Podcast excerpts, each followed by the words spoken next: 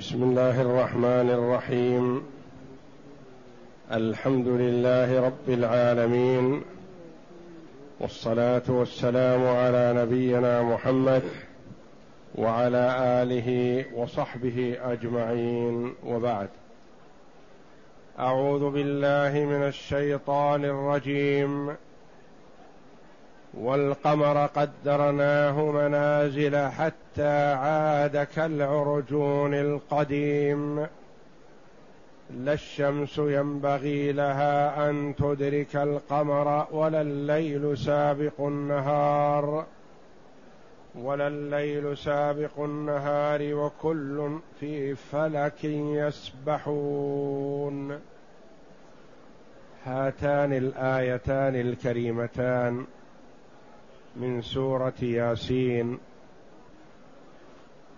جاءتا بعد قوله تعالى وآية لهم الليل نسلخ منه النهار فإذا هم مظلمون والشمس تجري لمستقر لها ذلك تقدير العزيز العليم والقمر قدرناه منازل حتى عاد كالعرجون القديم.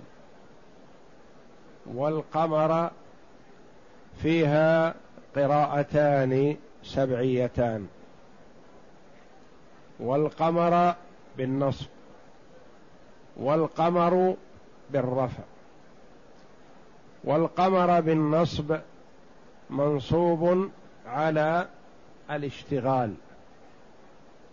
والقمر قدرناه. يعني أن الفعل بعده اشتغل بضميره.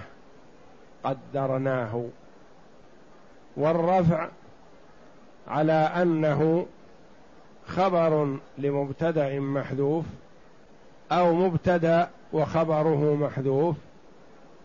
على غرار ما سبق في قوله تعالى وآية لهم الليل نسلخ منه النهار وآية لهم الأرض الميتة أحييناها أي والقمر قدرناه منازل على أنها مبتدأ والجملة بعده خبر عنه. أو وآية لهم القمر خبر لمبتدأ محذوف. والقمر قدرناه منازل أي جعلناه يسير سيرا آخر بمنازل معينة. يختلف عن سير الشمس فالشمس قال الله جل وعلا والشمس تجري لمستقر لها. ذلك تقدير العزيز العليم. والقمر قدرناه منازل. يسير سيرا يختلف عن سير الشمس بمنازل محددة. ينتقل من منزلة إلى منزلة. له ثمانية وعشرون منزلة. ويستتر ليلة في كل ليلة من من ليالي الشهر ينزل في منزلة من هذه المنازل الذي هي التي هي ثمانية وعشرون منزلة. ويستدر القمر ليلتان أو ليلة واحدة. يستتر ليلتان إذا كمل الشهر ثلاثون يوما. ويستتر ليلة واحدة إذا كان الشهر تسعة وعشرين يوما. يستدل بالقمر على الشهور والأعوام والشمس يستدل بها على الليل والنهار. صلوات الليل وصلوات النهار. قدرناه منازل يعني جعلناه يسير في هذه المنازل. فهو آية عظيمة. من الذي جعله كذلك؟ الله جل وعلا. فهو القادر على كل شيء. اذا هو المستحق للعبادة وحده لا شريك له. كما قال الله جل وعلا يسألونك عن الأهلة. قل هي مواقيت للناس والحج. هم سألوا عن الهلال. قالوا يبدو صغيرا ثم يكبر ثم يصغر وهكذا. ما الغرض من هذا؟ قال الله جل وعلا ما كان ينبغي أن تسألوا هذا السؤال وإنما اسألوا ما الفائدة منه. تعرف الفائدة؟ قل هي مواقيت للناس. كيف يعرف الناس مواقيتهم؟ كيف يعرفون اليوم؟ والأسبوع والشهر والسنة إلا بمنازل القمر وبالقمر. مواقيت للناس لعقودهم وبيعهم وشرائهم وآجالهم واستئجارهم وأسفارهم ونحو ذلك. كل هذه تعرف بالقمر. ومن حكمة الله جل وعلا أن جعل الشمس والقمر آيتين عظيمتين يدركهما الناس بأبصارهم والصيام والفطر والحج والعقود بين الناس كلها تدرك بالبصر. لا يعتمد فيها على طائفة مخصوصة. تعرف الحساب؟ لا. والزروع ووقت البذر كل هذا يدركه أصحاب الاختصاص واضحا بينا. لا يحتاجون إلى أن يرجعوا فيه إلى غيرهم. وهذا من تسهيل الله جل وعلا على عباده أن جعل الفرائض والأحكام مبنية على شيء بين واضح جلي. لا يتحكم به طائفة مخصوصة بل بالرؤية. صوموا لرؤيته وأفطروا لرؤيته. فإن غم عليكم فأكملوا عدة شعبان ثلاثين يوما. فإن غم عليكم فاقدروا له. وقال تعالى هو الذي جعل الشمس ضياء والقمر نورا. جعل لكل آية نورا يختلف عن الآية الأخرى. نور القمر يختلف عن نور الشمس. والذي جعل الشمس ضياء والقمر نورا وقدره أي القمر. منازل لتعلموا عدد السنين والحساب. في كل ليلة يكون في منزلة غير منزلة الليلة التي قبلها وغير منزلة الليلة التي بعدها. بإذن الله جل وعلا. لا يختلف ولا يرتبك بل هو باستمرار بإذن الله جل وعلا يسير هكذا. وقال تعالى وجعلنا الليل والنهار آيتين فمحونا آية الليل. وجعلنا آية النهار مبصرة لتبتغوا فضلا من ربكم ولتعلموا عدد السنين والحساب وكل شيء فصلناه تفصيلا. هذه نعم عظيمة من من نعم الله جل وعلا جعلها في هذه الآيات. فجعل الشمس لها ضوء ونور يخصها وجعل القمر له ضوء ونور يخصه. لا يجتمعان الشمس والقمر في الليل لا يجتمعان كما لا يجتمعان في النهار فيكون لكل واحد ضوء خاص به أو نور خاص به لا. فجعل الشمس في النهار وجعل القمر في الليل. نور الشمس وضياؤها للناس في النهار. يستفيد الناس من نورها وتستفيد مواشيهم وزروعهم وحروثهم منها بإذن الله جل وعلا. وفاوت بين سير هذا وسير هذا لحكمة. وجعل القمر أسرع من الشمس.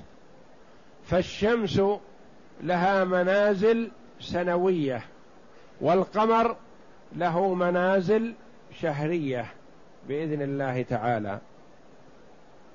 والقمر قدرناه منازل حتى عاد كالعرجون القديم. قدره الله جل وعلا في هذه المنازل فإذا به في آخر الشهر يكون كالعرجون القديم. العرجون هو العذق والشمراخ العنقود الذي يكون فيه شماريخ التمر. فطرفه يقال له عرجون. فإذا مضى عليه سنة التوى. وضمر يبس. فهو الله جل وعلا شبهه بالعرجون واجتمع فيه ثلاث صفات من صفات العرجون. الالتواء والضمور واللون الصفرة. كالعرجون القديم وليس العرجون الجديد. العرجون الجديد ربما يكون معتدل. بخلاف العرجون القديم فهو ينحني الهلال مثله. حتى يصير كالعرجون القديم. قال ابن عباس رضي الله عنهما وهو أصل العذق. وقال مجاهد العرجون القديم أي العذق اليابس. فعن ابن عباس رضي الله عنهما أصل العنقود من الرطب إذا عتق ويبس وانحنى. وكذا قال غيرهما أي غير ابن عباس ومجاهد. ثم بعد هذا يبديه الله تعالى جديدا في أول الشهر الآخر. والعرب تسمي كل ثلاث ليال باسم من أسماء من ليالي الشهر. فتسمي ثلاث الليالي من الشهر الأول فيسمونها غرر يعني غرة الشهر مبدأه. واللواتي بعدها نقل واللاتي بعدها تسع واللاتي بعدها عشر لأن آخرهن لأنها تبدأ من عشرة. واللاتي بعدها البيض وهي ثلاثة عشر وأربعة عشر وخمسة عشر. بيضاض ليلها بالقمراء ثم يبدو بالنقص وقلة النور فسميت التي بعدها بدرع جمع درعا لأن أولهن أسود لتأخر القمر في أولهن أول الليالي يعني ستة عشر وسبعة عشر وثمانية عشر. ومنه الشاة الدرعاء وهي التي رأسها أسود. وبعدهن ثلاث ظلم. ثم ثلاث حنادس يعني من شدة الظلام. وثلاث دئ وثلاث محاق لانمحاق القمر في أول الشهر فيهن. وقوله تعالى لا الشمس ينبغي لها أن تدرك القمر. قال مجاهد لكل منهما حد لا يعدوه ولا يقصر دونه. يعني الشمس لا تلحق القمر ولا الليل سابق النهار. لا يأتي الليل قبل وقته. فيجتمع الليل والنهار. بل لكل واحد منهما قدر بإذن الله جل وعلا. ينتهي النهار مباشرة يأتي الليل. ينتهي الليل مباشرة يأتي النهار وهكذا. يقول مجاهد رحمه الله إذا جاء سلطان هذا ذهب هذا وإذا ذهب سلطان هذا جاء سلطان هذا. لا الشمس ينبغي لها أن تدرك القمر ولا الليل سابق النهار. كل على حسب ما قدره الله جل وعلا وذلك تقدير العزيز العليم. فهو جل وعلا عليم بأحوال عباده قادر على إيجاد ما يصلحهم سبحانه. وكل كل في فلك يسبحون. ولا الليل سابق النهار وكل في فلك يسبحون. الفلك الشيء المدور مسطح مدور أو مكور مدور بإذن الله تعالى. كلها يعني تجري الشمس والقمر والكواكب والنجوم كلها في فلك تدور فيه. يعني والسباحة يسبح يقال هذا يسبح بمعنى أنه يذهب ويأتي يذهب ويأتي وهكذا. وكذلك هذه فهي في مكره أو على شكل مكره كما قال ابن عباس رضي الله عنهما كمكرة المغزل. المكره تدور المغزل والمغزل يدور المكره. فكل يدير الآخر فلا غنى لأحدهما عن الآخر. كل أي كل هذه الآيات الشمس والقمر والنجوم في فلك. تدور بإذن الله تعالى. كل في فلك يسبحون. يقول يعني الليل والنهار والشمس والقمر كلهم يسبحون اي يدورون في فلك السماء. قاله ابن عباس رضي الله عنهما وعكرمة والضحاك والحسن وقتادة وعطاء الخراساني رحمهم الله. وقال عبد الرحمن بن زيد بن أسلم في فلك بين السماء والأرض.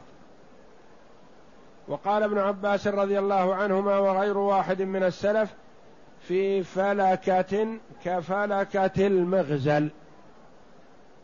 وقال مجاهد الفلك كحديدة الرحى أو كفلكة المغزل. لا يدور المغزل إلا بها ولا تدور هي إلا به بإذنه تعالى. وفي هذا آية من آيات الله جل وعلا دالة على كمال قدرته. وعلى عظيم سلطانه وعلى حكمته جل وعلا وتصرفه في الكون كيفما شاء وكيفما أراد وأن ما رتبه جل وعلا لا يختلف أبدا. فالشمس والقمر منذ خلقهما الله جل وعلا وهما على انتظام واحد لا يختلفان. وفي هذا دلالة على كمال القدرة لله جل وعلا وكمال القدرة تستوجب من الخلق إفراده بالعبادة وحده لا شريك له وأنه لا ند له ولا مثيل له ولا شبيه له ولا أحد يستحق العبادة معه سبحانه وتعالى. والله أعلم. وصلى الله وسلم وبارك على عبد ورسول نبينا محمد وعلى آله وصحبه أجمعين.